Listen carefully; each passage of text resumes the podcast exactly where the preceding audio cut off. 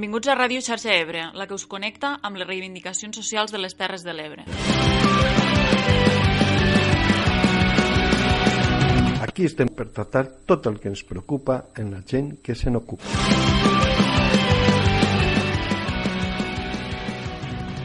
Avui és un dia molt especial per nosaltres. Comencem les emissions de Ràdio Xarxa Ebre i ho fem amb la il·lusió i el neguit de les coses noves. A alguns que ens escolteu us coneixem, n'hem parlat, ens hem trobat, i a d'altres, com és natural, no. És la màgia de la ràdio. Màgia que esperem encomanar-vos per mig d'aquestes zones. Això sí, sabem que la força i l'empatia que tant necessitem per avançar junts és alguna cosa de més profunda que el que aquí podem aconseguir rodejats d'aquests aparells electrònics, però crec que podem aportar el nostre gra de sorra en favor d'aquestes terres, les de l'Ebre, que alguna vegada hem qualificat de perifèria de la perifèria.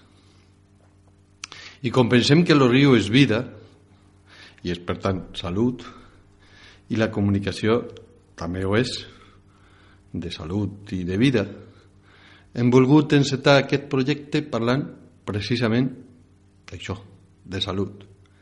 Hi ha alguna cosa més important?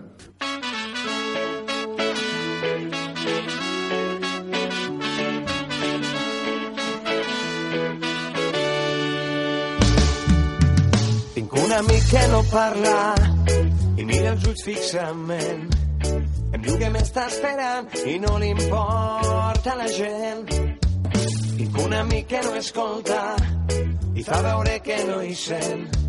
I somriu amb la mirada del seu únic present. Tinc un amic que no plora perquè no en sap on no vol. El seu món és un misteri, només hi habita ell sol. Encara que no parlis, tots sumem. Encara que no escoltis, tots sumem. Encara que no ploris, tots sumem. Tots sumem. Encara que no abracis, tots sumem. Encara que no cantis, tots sumem. Encara que no riguis, tots sumem. Tots sumem. Tinc un amic que li agrada abraça l'escuma del mar i els núvols s'agafaria per aprendre a volar. No sap qui sóc ni li importa, a mi només em somriu. Jo cada dia passejo i això em fa sentir viu. I m'omple el cor d'esperança tenir un amic com tu. Ets únic com les albades, no et canvio per ningú. Encara que no parlis, tots sumem. Encara que no escoltis, tots I per parlar de salut tenim quatre convidats que representen quatre maneres d'apropar-se al tema. Començarem per Àngels Martínez Castells, fundadora de Dempeus per la Salut Pública, professora de Polítiques Econòmiques durant 30 anys a la Universitat de Barcelona i diputada de la passada legislatura del Parlament de Catalunya. La vam entrevistar dimecres passat i d'entrada ens va voler aclarir que d'entendre tots molt bé què ens hi va en la salut, en la salut pública, què ens hi va en els determinants de la salut i com eh, tenir salut implica lluitar, mullar-se i actuar per millorar les condicions de vida de tota la gent. O sigui, com saps molt bé, Vicent, la, la salut és molt més que l'absència de malaltia, això fa molts anys que ho sabem, és també eh, implicació de les comunitats per les polítiques públiques, per millorar les polítiques públiques des de les necessitats de la gent i aconseguir, i aconseguir així una vida més joiosa, amable, amb, amb, amb sanitat, a l'accés per tothom, però també amb treball, amb sostre, amb vida digna. es va resultar molt significatiu que l'Àngels parlés de la necessitat de mullar-se i d'enfocar la salut d'una manera comunitària, perquè és precisament el contrari de la majoria de missatges que rebem. Fes això, fes lo altre, no facis tal o qual cosa i gaudiràs d'una millor salut. I no dic que aquestes coses no puguin estar bé, però és un plantejament estrictament individual. Mentre que Àngels ens diu mulleu-vos per la salut de la vostra comunitat, que això també és salut. Una diferència significativa, com també ho és el posar de relleu que el principal entrebanc per la salut de tothom, de la població en el seu conjunt, és la desigualtat creixent dins d'aquesta població. I això és el que està passant. Així ens ho explicava Àngels. I el moment en el que estem, amb aquesta mundialització que podria ser de salut i que, per desgràcia, és una mundialització de la desigualtat, doncs eh, implica tenir també una vinada molt ampla que sobrepassa el mar de Catalunya i ens porta, per exemple, en aquests moments, a estar pendents de què passa amb els, amb els pobres refugiats, amb els refugiats de l'Aquarius, però també a les concertines que tenim al sud de la península.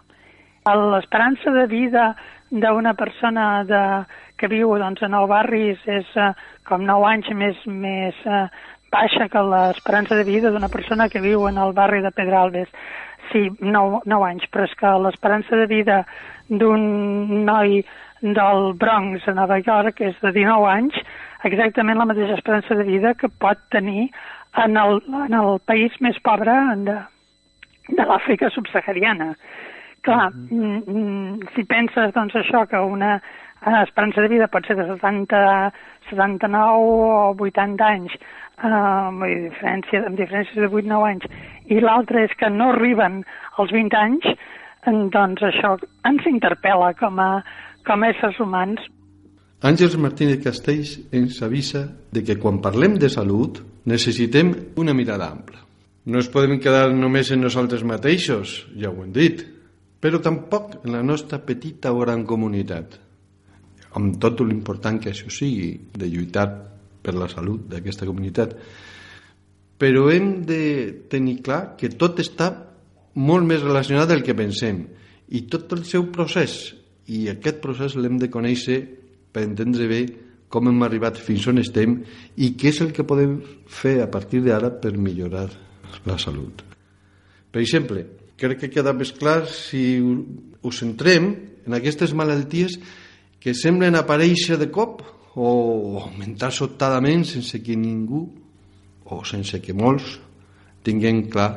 I si hi ha en un determinat moment que apareixen unes autèntiques epidèmies de gent celíaca o de malalties eh, mentals, les malalties mentals per desgràcia, mereixerien un capítol a part, perquè sempre han sigut les grans ventafocs, de, ventafocs i es poc, eh?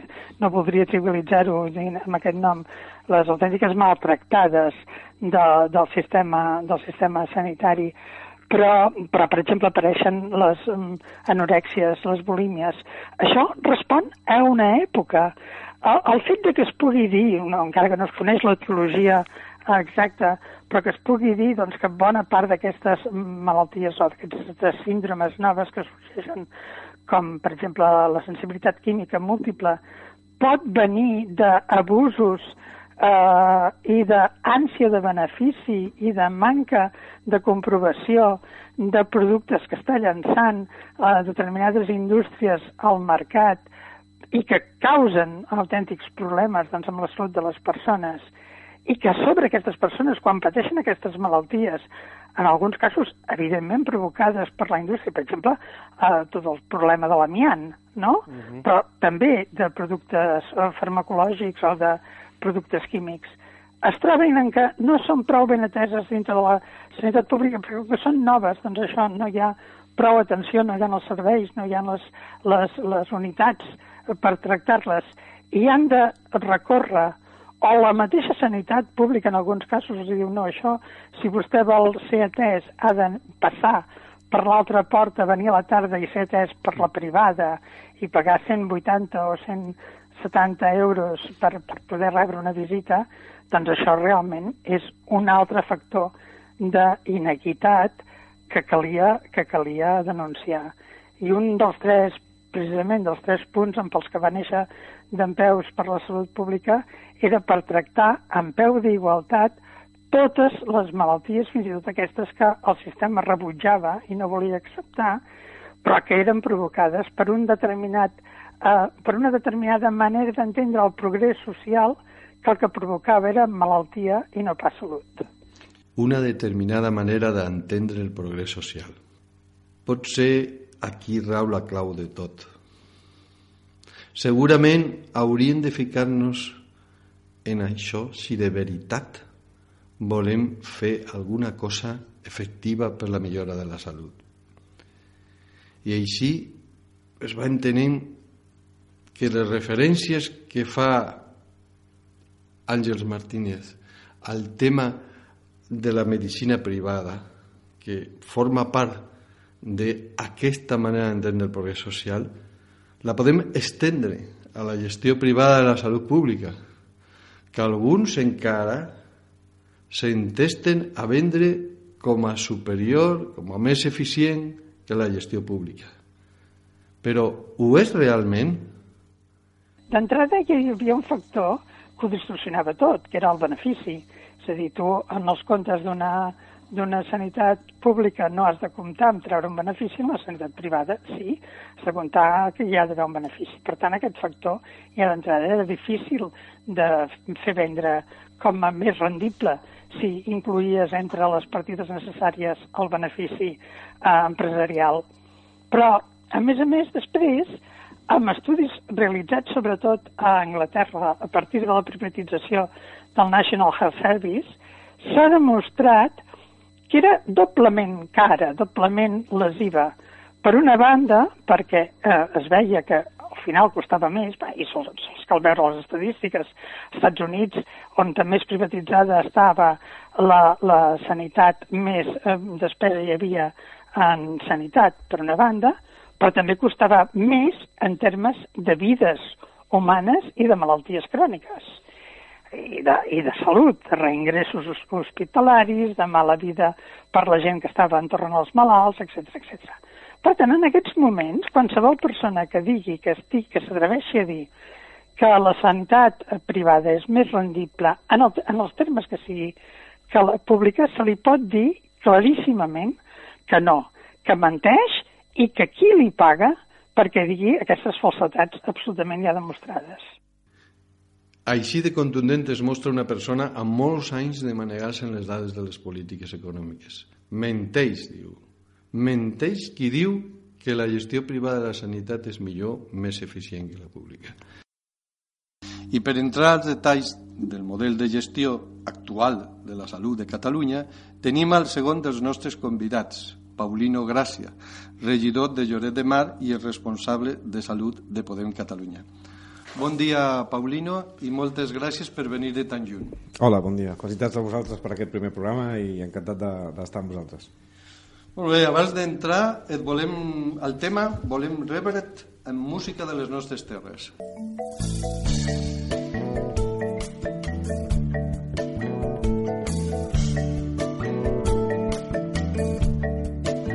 Mossèn Paga els escolans que tenen gana, que tenen gana. Si no se li menjaran mantell i sotana.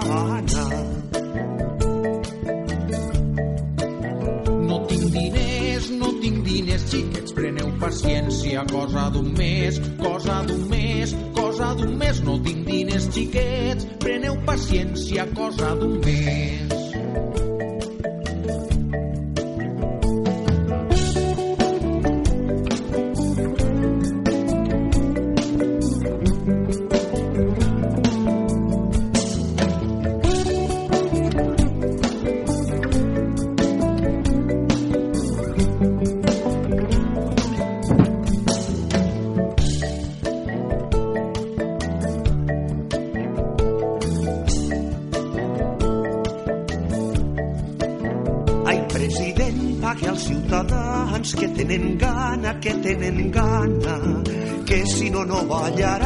Jota ni sardana. No tinc diners, no tinc diners, xiquets, preneu paciència, cosa d'un mes, cosa d'un mes, cosa d'un mes. No tinc diners, xiquets, preneu paciència, cosa d'un mes.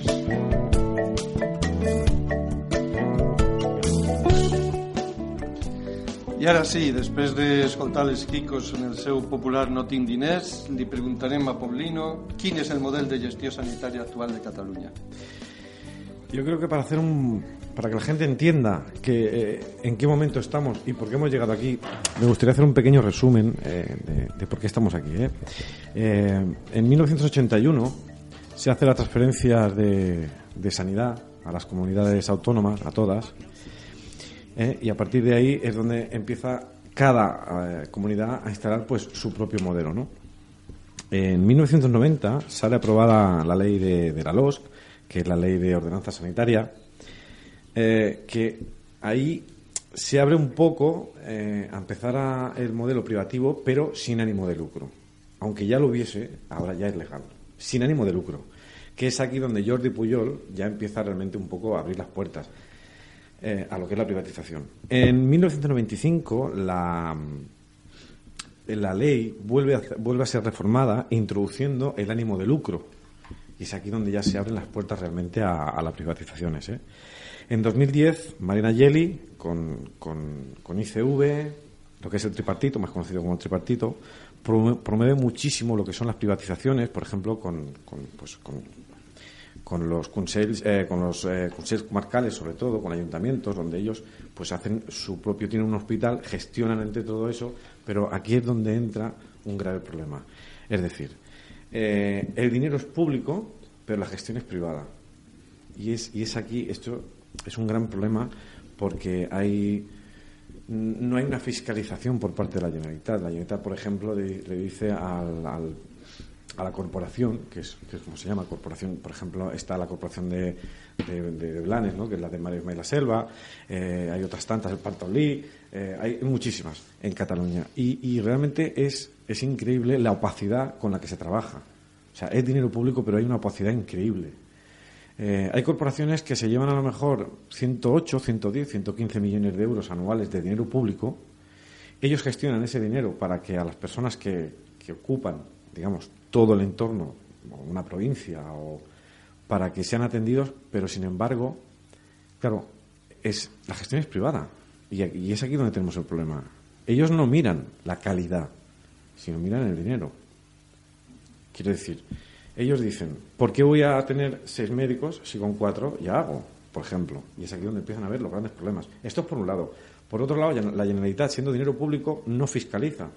Ellos, en vez de invertir los 108, pueden invertir 95, 90 o 85.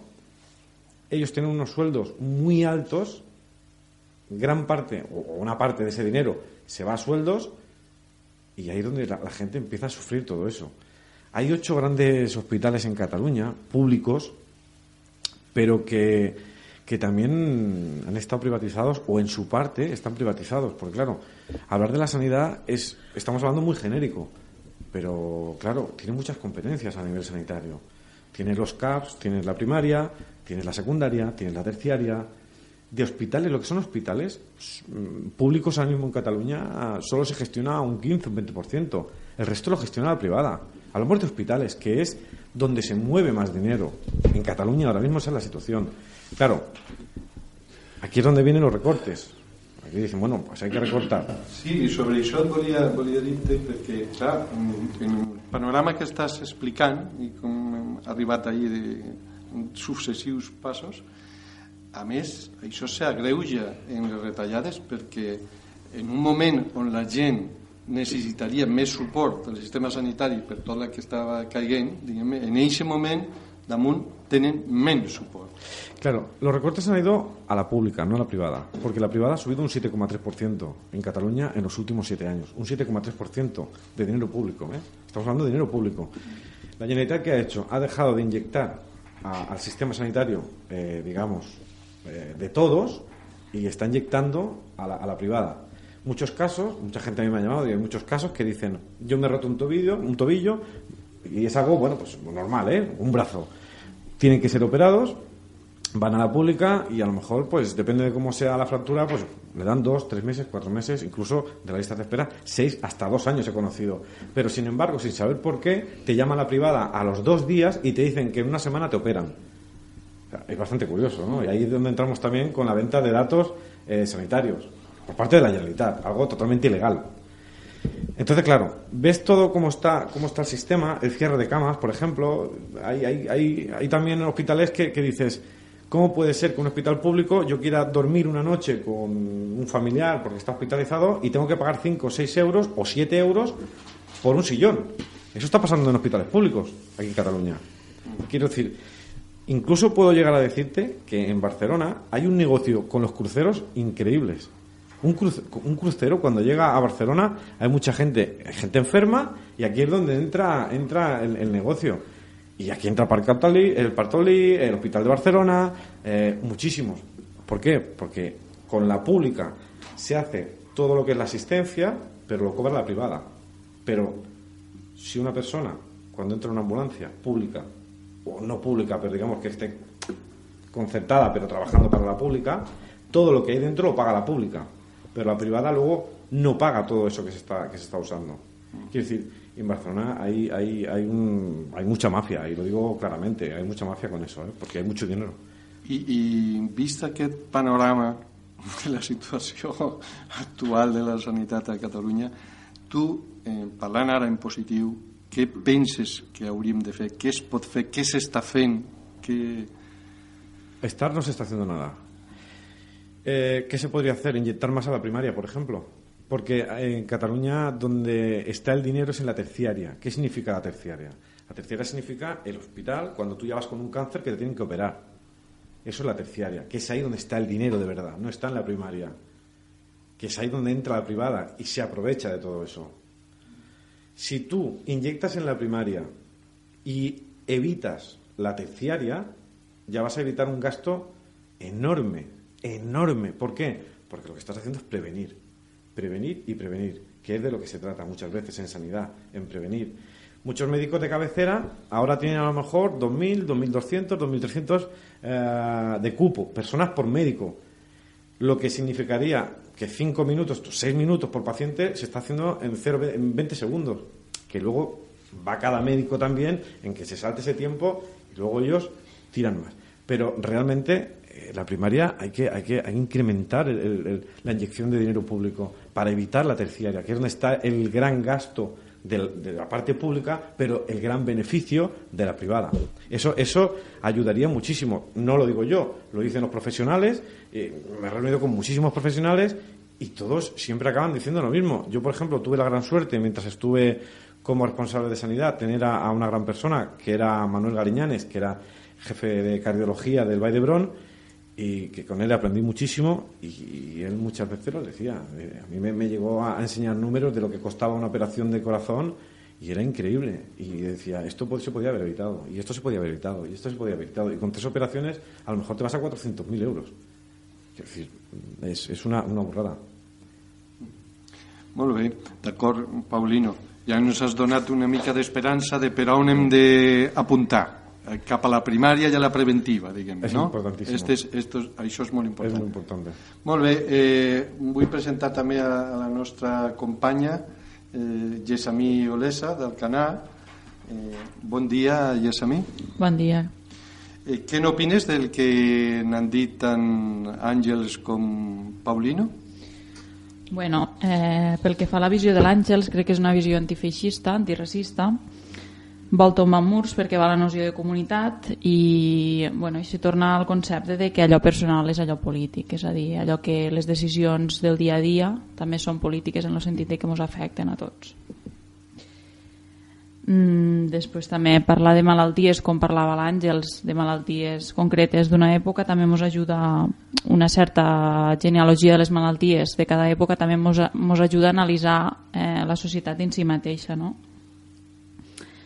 I, i, bueno, i pel que fa al que comentava Paulino, eh, sí, realment és, és, és, és un gran problema que els diners siguin públics i que la gestió sigui privada i la, la opacitat que comentava que això implica també ens porta als problemes actuals que estem vivint. I, bueno, i recordar això de la llei, del decret llei de l'any 2012 impulsada pel govern espanyol que, bueno, que el que feia precisament era eh, una altra vegada individualitzar, eh, precaritzar la sanitat pública i mm, també, mm, en el sentit que apuntava Paulino, evitava la prevenció, no? que és la, és la primera línia jo crec que s'ha de, s'ha de tindre en compte i s'ha de lluitar perquè tots poguéssim tindre una sanitat pública universal de qualitat. D'acord, Gessamí, gràcies a tots dos. Ara, per tancar aquesta primera part del programa, donem veu al que ens va dir Àngels Martínez per acomiadar-se, per acomiadar l'entrevista que li vam fer. Que la salut és, és vida, és lluita, és estimar-nos els uns als altres, és ajudar-nos, és viure en un ambient um, de, de cooperació, que les xarxes de, de, de relació, d'interrelació de, de les persones són fonamentals, que la soledat és el pitjor que hi pot haver-hi per, la, per la salut i que una vida digna és una vida amb salut, amb informació, amb fer, fer faent i amb criatures ben alimentades i que disfruten de la vida. I ja saps que m'agrada moltíssim i us estimo moltíssim les vostres Terres de l'Ebre i que penso que que, la, que el riu no només és vida, sinó que també és salut i la lluita per, per, per l'Ebre és la lluita fonamental per la salut a les Terres de l'Ebre. Una abraçada. Una abraçada molt forta. En aquestes abraçades de l'Àngels agafem energia per a començar la secció que vol fer-nos aterrar a les nostres Terres de l'Ebre.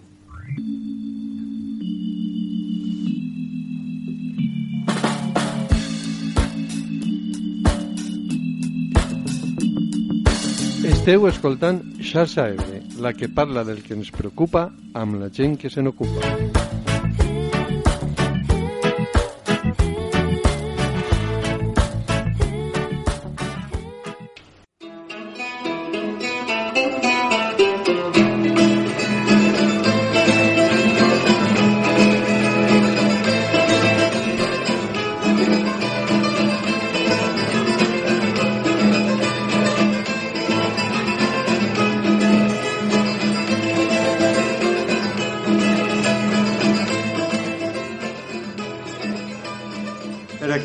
Segona part del programa content en primer lloc amb Cinta Sarroca, representant sindical de Catac a les Terres de l'Ebre i bona coneixedora de la situació del sistema sanitari a les nostres terres.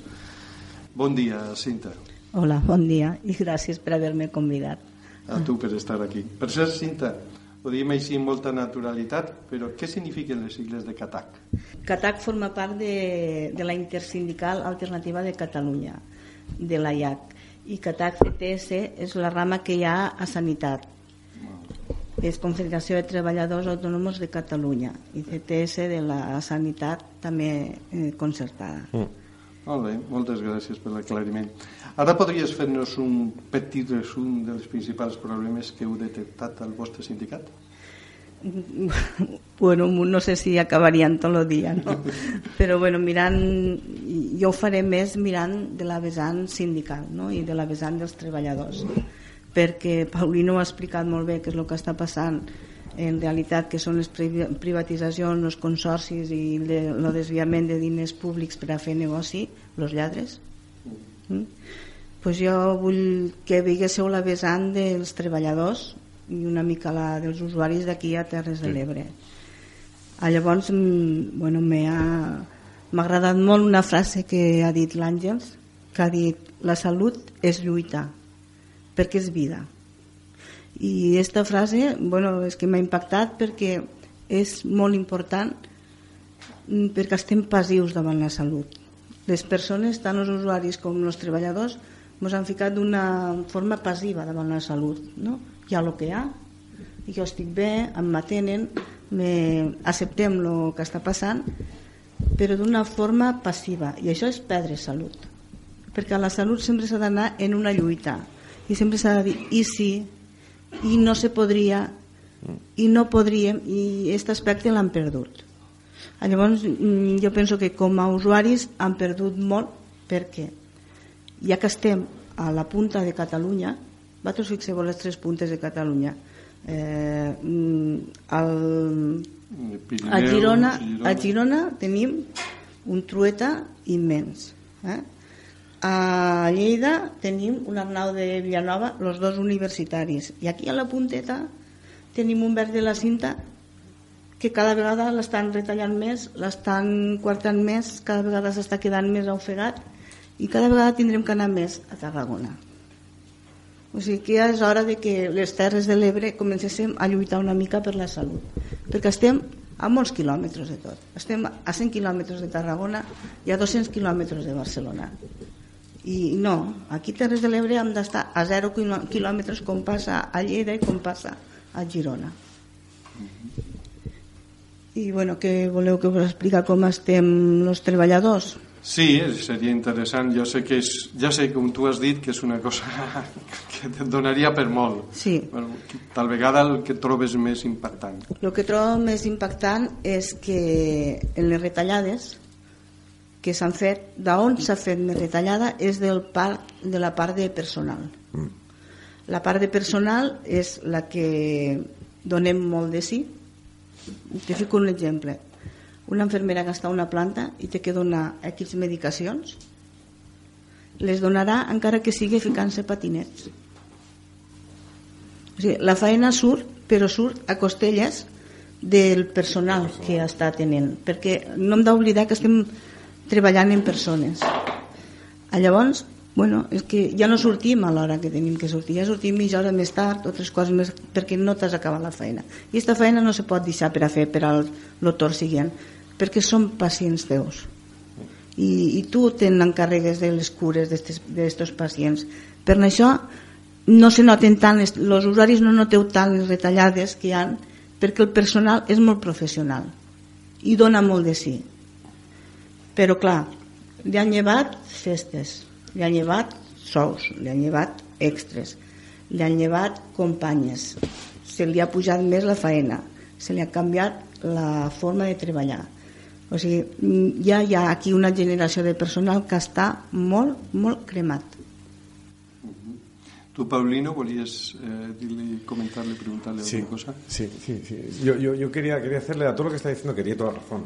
Quería hacerle también un matiz, y es decir, en los trabajadores de las ambulancias, Uy, yo, estos, yo, sí. yo que me he reunido con ellos, están echando a, a- a- a profesionales que llevan a lo mejor 15, 20 años llevando una ambulancia, que no es solo llevar la ambulancia, que llevas a un paciente en, en estado crítico, pero es que cuando a mí me contaban que están llevando a pacientes con enfermedades contagiosas, súper contagiosas, y que la ropa de ellos, personal, la empresa, no se No las se lava cambia. porque no se hace responsable y se la tienen que lavar ellos en su casa, por ejemplo, de una de muchas que me contaron, yo, yo, yo realmente me, me impactó mucho eso, ¿eh? Sí, M- sí. Me impactó muchísimo. Y están, y están echando a, a profesionales que llevan 15 o 20 años para coger a chavales que llevan 19 20 años, o sea, que tienen 19 20 años para pagarles 800 euros. Quiero decir, Y que no se quejarán. no, no, no, no, no. Porque Y- y que no, que no, no se quejan. No se quejan claro. porque eh, ya entran con esas condiciones, entran contentos porque dicen, bueno, yo tengo un trabajo, llevo una ambulancia, lo que me gusta y tal. Pero cuidado, cuidado, que lo que está diciendo es muy importante y hay que, hay que matizarlo muchísimo. Igual que esto que voy a decir ahora también me trae muchas peleas. Pero gran parte de culpa de cómo está la sanidad es de los médicos. No voy a decir enfermeras, no voy a decir enfermeros ni transporte, pero hay muchos médicos comprados en la sanidad de Cataluña. Muchos médicos comprados, porque son conscientes de lo que está pasando y ellos se les sube el sueldo, a muchos los ponen de directivos para callar la boca. Y eso es así, porque yo me lo he encontrado muchísimo.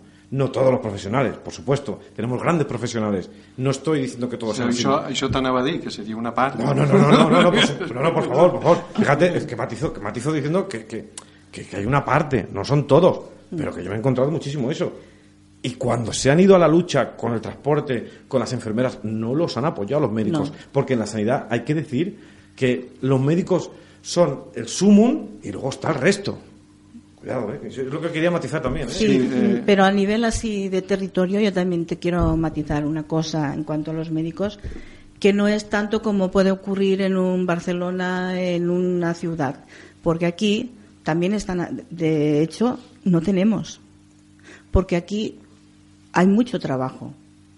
Aquí están sobresaturados de trabajo. Eh, vienen y se van. Y, por ejemplo, de urólogos, pues nos faltan muchos urólogos. Los, los tres que quedan eh, se saturan porque tienen que sacar. Los queman. Los queman, Los claro. queman. Entonces, tiene que venir uno nuevo y dice: A ver, yo no me meto aquí porque no voy a tener vida familiar, no Sí. voy a tener. Hay entre las corporaciones y los sueldos también. Ni los sueldos. Las corporaciones Aun- hacen eso, sí. pegan- le pegan en los sueldos a los Sí, profesionales. sí, sí. es. Aunque aquí, aquí cobrando, porque los médicos del IX cobran todos los mismos, o sea, sea de Barcelona que sea, tenemos unas eh, tablas retributivas que son igualitarias. Aquí se vive mejor que en Barcelona. Sí, es Aquí un médico puede comprarse un piso y tener una vida digna. Lo que pasa que no va a conciliar la vida familiar. Es cierto. Es, eh, son problemas territoriales que solo se ven aquí en el territorio. Sí, jo, jo volia trencar una llança a favor d'alguns metges que conec, per exemple un d'aquí mateix d'atenció primària d'Ulldecona, que el que fa lluita per la salut pública des, del, des de la seva posició de metge, intentant allargar al màxim l'atenció de les persones i que el sistema s'ajuste a no estar donant cites cada 7 minuts, Sí. perquè això no es pot atendre.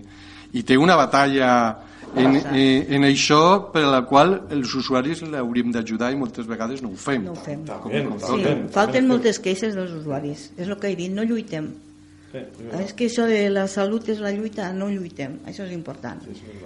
I, bueno, ja sense parlar de metges, també volia mm, recalcar la contractació precària que està sofrint el personal sanitari. Estic parlant de celadors, d'auxiliars, d'enfermeres. Contractació dia a dia. Interins que fa 20 anys que els tenim. Interins que ara se n'aniran al carrer Sí, sí, perquè ara ha sortit una oferta pública que ja m'ho l'han fet fer des d'Europa de 10.000 places i resulta que a aquesta gent els ficaran puro i duro a una oposició quan és gent que ja mm, està, s'ha fet gran treballant eh, no se li tindrà en compte tot, tota la baremació que, i tota l'experiència. I llavors vull que sabéssiu que la gent a sanitat és una dels, de les professions on hi ha més contractació precària. No tens horaris. Ara vine perquè com te fas autocobertura que no contracten gent o sigui, quasi que no tens vida familiar. Perquè tindràs un sopar per la nit però saps que te trucaran perquè un altre ha caigut de baixa com, com suplixen això a l'estiu? Pues tancant plantes tancant plantes i fent autocobertura però alto, perquè penses que no, mare meva que no es fiqui ningú malalt perquè és que me se poden acabar les vacances també i, i, Gessamí volia fer-li una Sí, jo et volia pregunta, comentar sí. això, bueno, eh, el tema dels drets laborals, no? que tu dius que d'alguna manera els pacients, els usuaris, ens han posat en una posició més passiva i, i potser hauríem de tenir una posició més activa en això i en moltes altres coses segurament però potser també el tema dels drets laborals seria una cosa per la qual potser el cas que comentava Paulino no? dels, dels que van a l'ambulància i no els, hi, no els hi canvien la roba, etc etc. Doncs potser també seria un motiu pel qual dir no i anar al, al dret laboral, no? O sigui, quins drets tenim com a...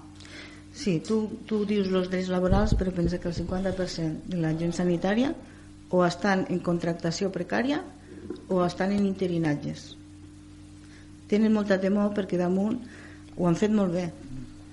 Han fet un sistema que es diu bossa de treball. Han, té molt de pes la valoració del, del superior.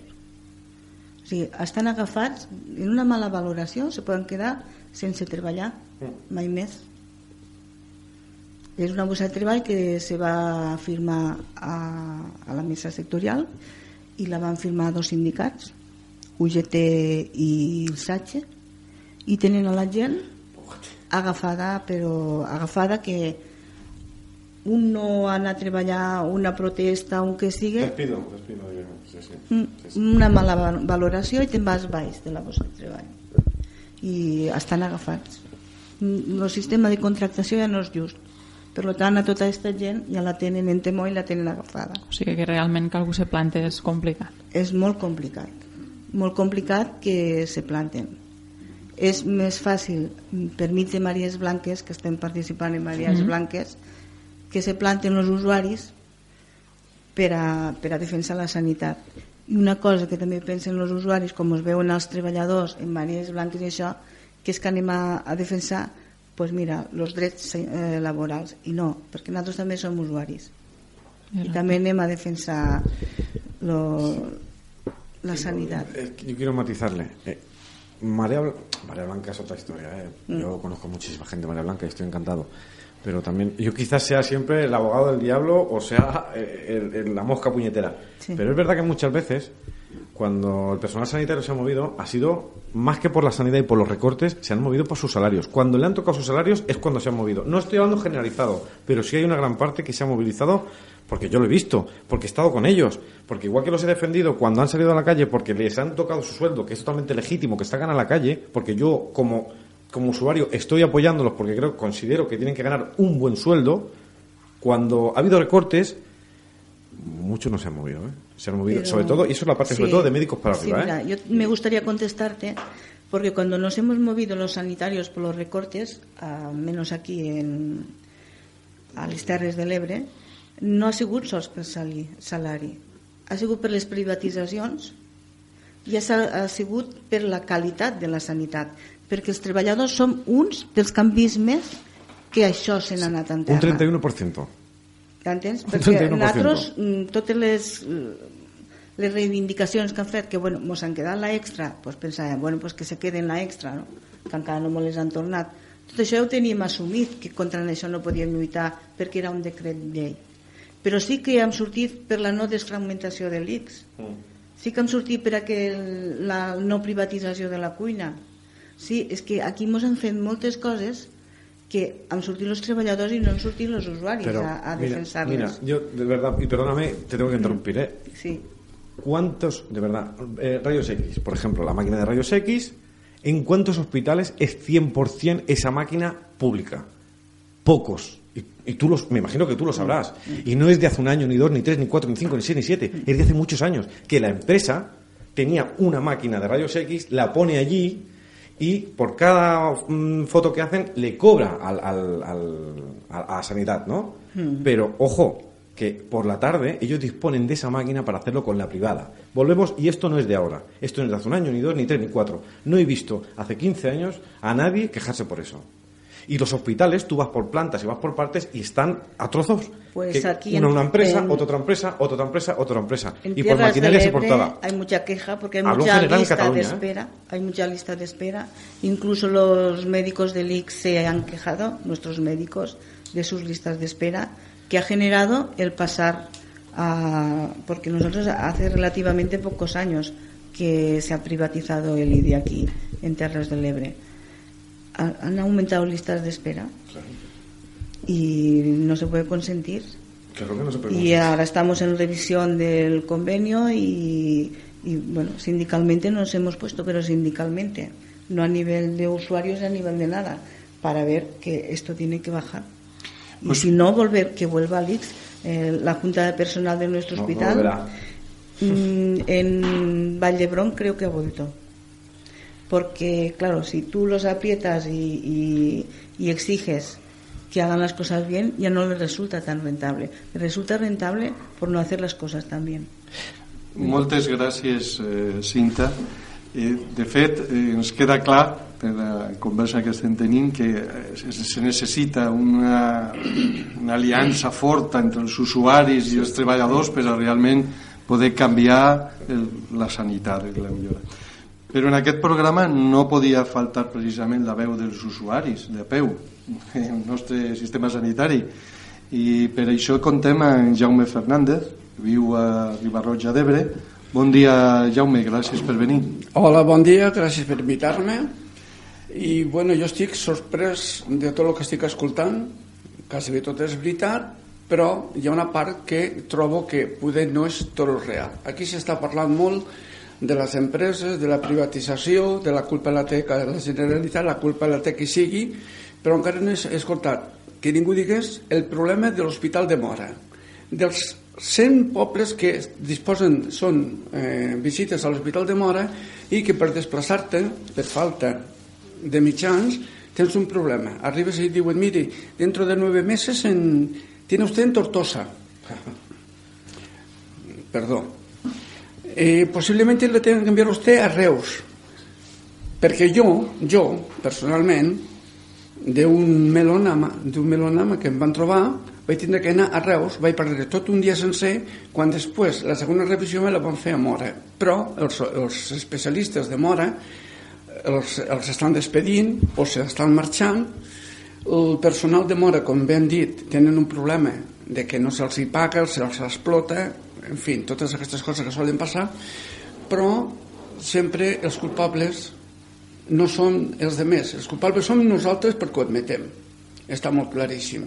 Si un dia arriba el moment que els malalts diem mire, no vull a Mora, no vull a Reus, no vull a Tortosa, no vull a Lleida, i ningú anem, o els treballadors decideixen, les infermeres i els doctors, fer vaga, però vaga i no visitar ningú, qui sigui responsable tindrà que moure fitxa perquè el que no pot ser és continuar com estem continuant. Eh? una visita a l'especialista 9 mesos a Mora un especialista per l'oculista 8 mesos. Jo me fan una revisió tenia que ser cada 6 mesos me la fan cada any. Jo. Per un problema teòricament me va sortir bé però podia ser molt greu.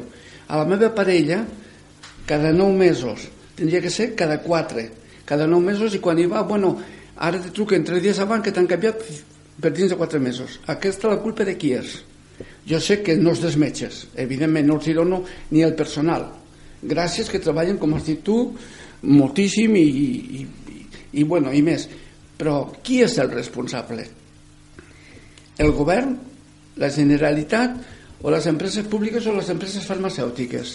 a veure pregunto jo Bueno, Jaume, continu, continua. Ara te, ara te respondran, ara parlem de tot això de, i de les dificultats que, que tenen els usuaris per als poder gaudir dels serveis sanitaris públics. Però abans farem una pausa.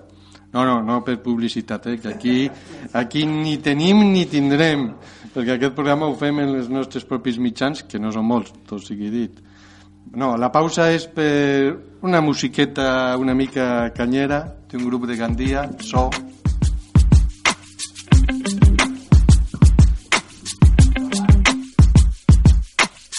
Cau la calor a la safor, bombeja el ritme. No estem fent merda facilona, si fem himnes. Se'n va el dolor amb l'olor a mar. Les primaveres demanen vida, l'estiu arriba. El sol ha eixit, la ràdio sona, estem vius. Estic fent temes i esperant per si somrius. Eren feliços amb mentires de mil colors. Tinc els conflictes sida, tinc por i vull tornar als meus impulsos, ser pràctic, que si ella sona jo tremole, lo màxim. Venen trompetes, no és Gillespie, és Ainsley al sampler, en calma, brother, ho volen simple. Volen que venga el discurs que ven, que no qüestione, volen que calli que puja el tren. I aquella gent que em demana frases, que em diu que torne, no s'imaginen lo mal que em senc. Però avui ja passe del drama, vull tocar el foc, sentir que crema. Jo tinc set de vida, no de fama. No vull que un error siga un problema. Però avui ja passe del drama. L'autocompassió és una condena. Jo tinc set de vida, no de fama. No vull ni la reixa ni la pena. Res del que passa és comparable a tu. La nostra eixida, homes i dones, actes impuls. Tu eres rebel i consentida. Res del que passa és comparable a tu. Passa la vida. Res del que passa és comparable a tu. La nostra eixida, homes i dones, actes impuls. Perquè tu tanques la ferida. Res del que passa és comparable a tu. Passa la vida. Un altre any perdut en esta confusió vital, lluitant contra els dimonis que van per dins cridant, buscant guanyar-me la partida i perdre la raó, buscant que perga les forces, passa la vida i jo veig els majors i pense en tot el que es mereixen i baixa l'esperança i puja el pa. I amb esta perspectiva qui vol créixer, eh? Dubtes i dubtes, depressió... Bé, Cinta, tu volies contestar, Jaume. Jo penso que el problema que ha tingut Mora des del primer dia va ser la gestió que se li ha donat a aquest hospital. A aquest hospital no se li ha donat una gestió pública al 100% i de gestió directa, perquè això sols ho fa l'ICS. I este hospital li han donat una gestió pública però concertada en altres hospitals. Llavors, què ha passat? Pues que aquí s'ha robat. I ho sabem tots. I per això esteu com esteu. Com s'arreglaria això?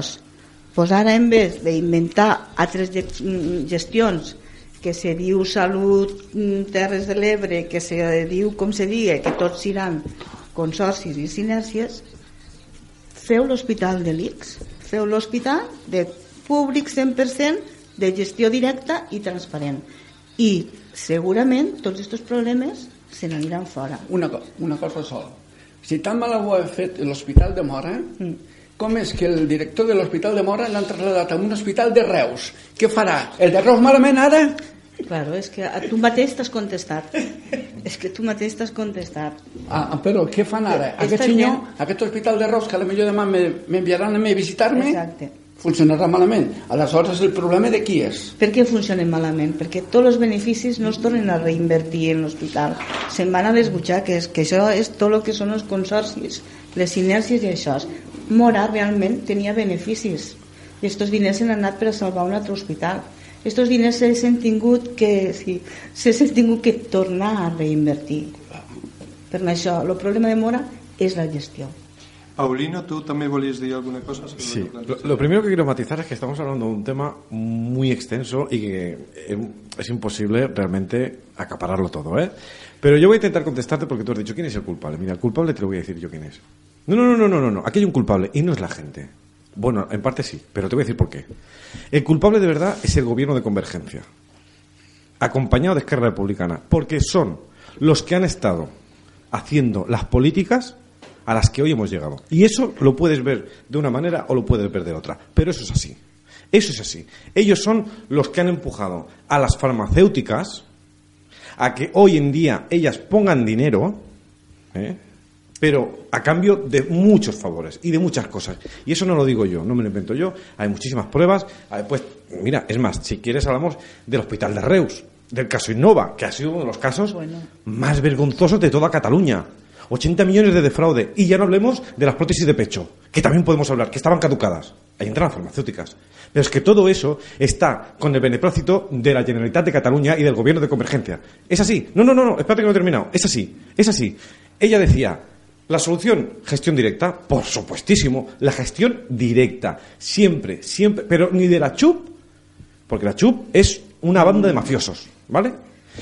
La gestión, la gestión tiene que ser directa del ICS, del Catsalot. Punto. Que sea pública 100%. Porque yo, ah, hemos hablado de muchas cosas, pero todavía no hemos dicho una cosa esencial. La sanidad es un derecho universal. Jamás, es una inversión. O sea, lo- la gente lo mira muchas veces las empresas como una inversión. No debe de ser una inversión. La sanidad no es una inversión. La sanidad es un derecho al que todo el mundo debe de- de- puede tener el derecho a asistir. Y no hay que mirar números. Claro que hay que mirar números en el sentido de decir, tampoco se trata de, de llegar aquí y, y tirarlo todo por la ventana. Pero, pero es un servicio que tiene que dar el Estado en un momento dado, la- el gobierno autonómico en un momento dado. O sea, es un servicio. No debe ser jamás algo para sacar dinero. Porque en el momento que es algo para sacar dinero, tu vida ya está en juego.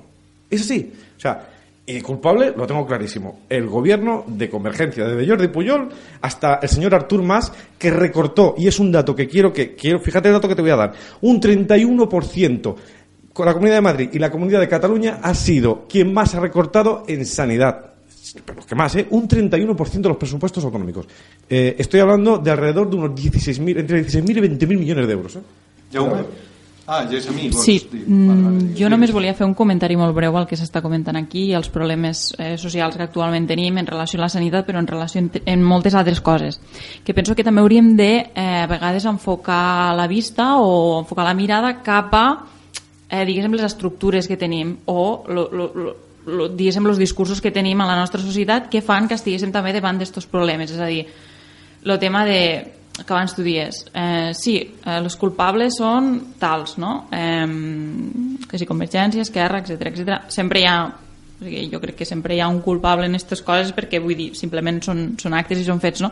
Però per altra banda dies també la gent. O sigui, hem d'entendre també el context en el que ens trobem o perquè parlàvem de que els usuaris est, est, bueno, estem o estan o com se vulgui dir, passius. Pues perquè també es dona un context que és cap, que és el capitalisme. El capitalisme el que em fa és dir jo sóc un individu, jo lluito per les meves coses i els altres que s'apanyen. Dic que això o sigui, ho hem de tindre, jo crec que a la perspectiva és important remarcar-ho, perquè això ens farà entendre moltes altres coses i abordar-les, perquè no és només una cosa, sinó que en són moltíssimes més. I ja, ja estaria. Jo, jo, jo solament te vull dir una cosa. Estem parlant de sanitat i tu, tot, tota la teva data, perdó, és que la culpa la té Convergència Esquerra Republicana. El dia que vulguis que fem un debat de política sobre de qui són les culpes, parlarem, perquè ara jo te podria donar moltes dates, I, I ara estem parlant de sanitat, del problema de la sanitat, de com, en fi, etc. Però a l'hora de trobar culpables de totes les coses, no solament és Convergència, Esquerra, etc etc etc. Podríem parlar. Eh, I et dic una cosa, jo no sóc ni d'Esquerra ni de no. No, no, de fet, de fet los socialistes ja van començar a privatitzar van ser els primers que van començar a veure, a, és la societat també vull dir, mm, No, no, no, no, no es la sociedad, ¿eh? No, te, No perdona, sé, la sociedad, pero- es- lo que dice ella es cierto. És lo, és lo capitalisme és el poder és el- econòmic. El sí, poder econòmic marca unes tendències. A ver. però que de fet van començar els socialistes No, no, sí. a fer les retallades Jo, jo en estic d'acord amb tu. El que no estic d'acord és que la Però- culpa Tu- són solament la tinguin dos. perdona, És a dir- quan dius en tu te refereixes en Gessamí. Sí, amb ella, amb el que Sí. ha dit. Eh, a que veure, jo el que volia simplement remarcar és que és veritat que hi ha un discurs, hi ha un, una manera de fer les coses, no? que és esta, mm, mirar els beneficis a curt termini i ja està, vull dir, el que passa després és igual. Per exemple, cas Castor, més ne tenim per comentar. Llavors, aquesta manera de fer política, política diguéssim, és el problema que tenim a la base, però, però esta se'n deriva de que s'entén el món a partir del capital, o sigui, a partir de l'economia, a partir dels beneficis que en treus d'una cosa. Llavors, jo crec que Paulino apuntava a uns culpables pel fet de que han d'haver, jo crec que és important, ja per, per, per salut, eh, diguéssim, per higiene emocional, mental, de, de política, que hi hagin uns responsables de les coses. Jo crec que apuntava més aquí, no tant a un partit o una cosa, sinó que quan algú pren una decisió política que compromet a X persones o que compromet a, bueno, a una societat, a una comunitat, el que vulguem dir, crec que és important que hi hagi aquest nom damunt la taula. Perquè per alguna cosa ell és el representant, no ens hem d'oblidar d'això. Crec que és important. Però sí que sé el que també te referies tu. És a dir, no és tan... No. Jo crec que s'ha d'agafar des d'esta... Des... Bueno, no sé, mos ho dirà Paulino millor si volia dir això o volia dir una altra cosa. Déjame, no, no, déjame la, la, la, la, la perspectiva és que Paulino, jo no dic que no sigui veritat, per la seva experiència, solament hi ha un culpable, dos culpables. I tots sabem que no, hi és, no tot és ni blanc ni negre, que hi ha el matís gris. Eh? I aquí no, sol, no solament és la Generalitat el responsable, Vale. que pot tenir molta culpa, sí, I que hem Però- de tenir en compte els temps també, els Vale, temps, ma- no? ma- matizo, un, un minuto, un minuto Sí, para un matizar. un minutillo y- Un minuto para matizar. Fíjate que cuando yo he empezado he hecho un pequeño resumen de lo que pasaba con la sanidad desde el año 81, que se reparte la gestión a las autonomías hasta ahora. Fíjate que yo he hablado del tripartito, he hablado de ICV, que es un partido supuestamente de izquierdas. Y digo supuestamente porque hoy por hoy está escondido detrás de Pablo Iglesias, no se sabe nada, pero han hecho cada burrada con el tripartito que ha sido increíble. Y lo he, dicho, lo he, lo he mencionado, lo he mencionado porque es cierto, pero sí que es cierto que quien realmente le ha pegado, ha terminado de pegarle la patada a la sanidad, fue el señor, el señor Artur Mas. O sea, es que, pero es que no es que no estoy hablando de política porque a mí no me guste convergencia. No, no, no, no, no, no, no. Bueno, no me gusta, claro que no me gusta. Yo soy de izquierdas y soy totalmente contradictorio políticamente. Pero es cierto que el señor Artur Mas ha hecho los mayores recortes de España, de España, en sanidad, en Cataluña, los ha hecho él, el 31%. ¿Usted sabe la cantidad de gente que ha muerto, que ha muerto por la sanidad en Cataluña por los recortes? Ha muerto muchísima gente. Hoy, hoy en día está muriendo gente con cáncer porque no se le ha hecho a tiempo la prueba. Y ahora- sí, pa- para terminar. sí. Y lo que decía ella, tiene toda la razón. Ella tiene toda la razón lo que estaba diciendo. En lo, en lo que ha dicho ella, la apoyo al 100%. Pero si nosotros, que estamos aquí hablándole a la gente, no decimos quién es el responsable, porque son ellos quienes han decidido que ese presupuesto se recorte, quien haga modificaciones en- en- en- por decretos legales para que gestione la privada lo público, pues si no somos nosotros ahora mismo los que estamos diciendo esto, ¿cómo se entera la gente? Porque la gente tiene su vida y el capitalismo es lo que ha querido. El capitalismo le va, le va de muerte que haga hecho, que, haga, que, que se haga esto. La gente se ha individualizado. ¿Por qué? Porque el capitalismo es lo que le gusta y es lo que quiere. Porque así la gente no se junta para pensar y decir, no, no, no, esto no puede ser, esto hay que tumbarlo. Que- ya está, ¿eh? perdón, sé que me enrollo no, mucho. No, de- d'acord, Paulino, està interessant el debat. El que passa és que això ens portaria... Mucho, mucho, mucho. Mucho, també, molt. Ara, jo voldria que, que Jaume ens expliqués, perquè ell abans m'ho comentava i crec que és interessant que, que ho escoltem, els problemes de transport lligats al tema sanitari. Per, per, per un pacient, mai millor dit, perquè ha de ser pacient. No cliente, no cliente. A veure, un, el problema per un pacient que va a l'Hospital de Mora l'envien a l'especialista, això és el marge, a Tortosa o a Reus. Per exemple, aquesta persona té un problema. Si li donen hora a Tortosa a les 5 de la tarda, o, no, fiquem-ho més aviat, a les 4 de la tarda, té que agafar l'autocar a les 8 del matí per anar a Tortosa, tirar-se tot el dia a Tortosa, a la tarda, si té sort i la visita acaba aviat, podrà tornar cap a Mora. Si no, se tindrà que quedar a Tortosa fins a l'altre dia. Si li toca Reus, exactament igual. Aquestes persones que normalment són persones grans, algunes amb pocs mitjans o gent jove, i no tenen manera de desplaçar-se, com, com van a aquests llocs, com se desplacen. Qui els hi costeja el desplaçament? Qui els hi costeja, com tu has dit abans, si et cobren per dormir? Però sí, sí. el dinar no te'l donen, l'esmorzar no te'l donen, el transport no te'l donen. Com ho fas? Jo tinc una companya meva del poble que la seva mare va estar ingressada 15 dies per un cas greu a Tortosa i li va costar 2.400 euros sol que podia el quedar-se allà a cuidar la seva mare, a la UBI, l'hotel, el dinar, el sopar, etc etc. Però quanta gent no va al metge perquè no pot desplaçar-se ni té mitjans. I això, això és que jo dic, no he escoltat a ningú que digui, escolti, els mitjans de lo que s'està ficant als hospitals de l'entorn de Mora, que es fiquin a Mora perquè la gent tingui que desplaçar-se en un cas molt, molt greu, no per fer-te una analítica, per dir d'alguna manera. Per una analítica no, però sí, per sí. Una tonteria, jo per, per un problema que tenia que respirava amb la boca oberta vaig tenir que anar a Reus i perdre un dia. Sí, sí. I no era res. No, no m'ho podien fer a Mora, no havia especialistes a Mora que es portin, que se'ls hi pagui, que se'ls hi pagui, que no hi ha cap problema, i quan s'estalviarà? El govern, el que sigui, mm. l'Estat. I com guanyarem nosaltres? Amb salut i amb benestar. Bé, malauradament el temps ens acaba.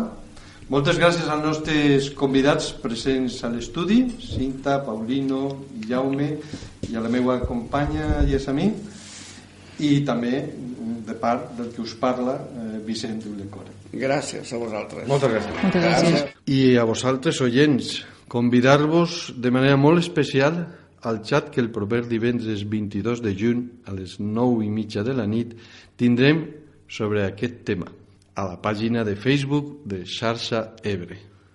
O sigui, nosaltres suposem que durant la setmana es fareu cas i en aquestes estones on un o una està conduint o tastejant per casa o apoltronat al sofà us heu pogut escoltar aquest podcast i de segur perquè ja heu arribat al final us han vingut al cap coses que us agradaria comentar nosaltres i en altres oients i així anar-nos aclarint entre tots.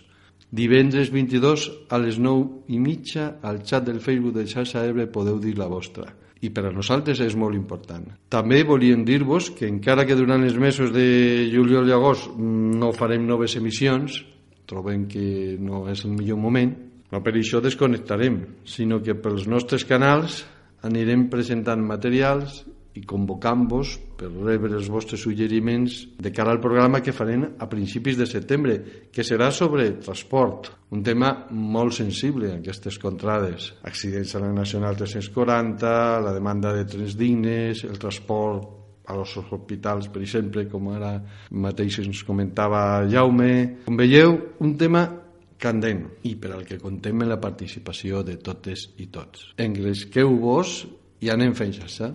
Us esperem. Girls' faces form the forward path, phony jealousy. Memorizing politics of ancient history. Come down my corpse, evangelist, on T'esperem a la propera emissió de Xarxa Ebre. Ens trobaràs al WordPress, al Gmail, al Facebook, al Twitter, a l'iVox, sempre en aquesta etiqueta, Xarxa Ebre.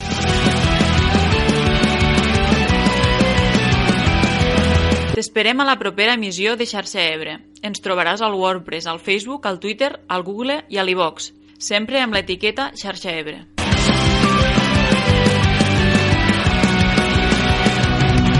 No oblides subscriure't. Sabràs els temes, les dates i les convidades dels propers programes, així com quan es faran els xats de debat, on contem en tu. Fins aviat. Seguim fent xarxa.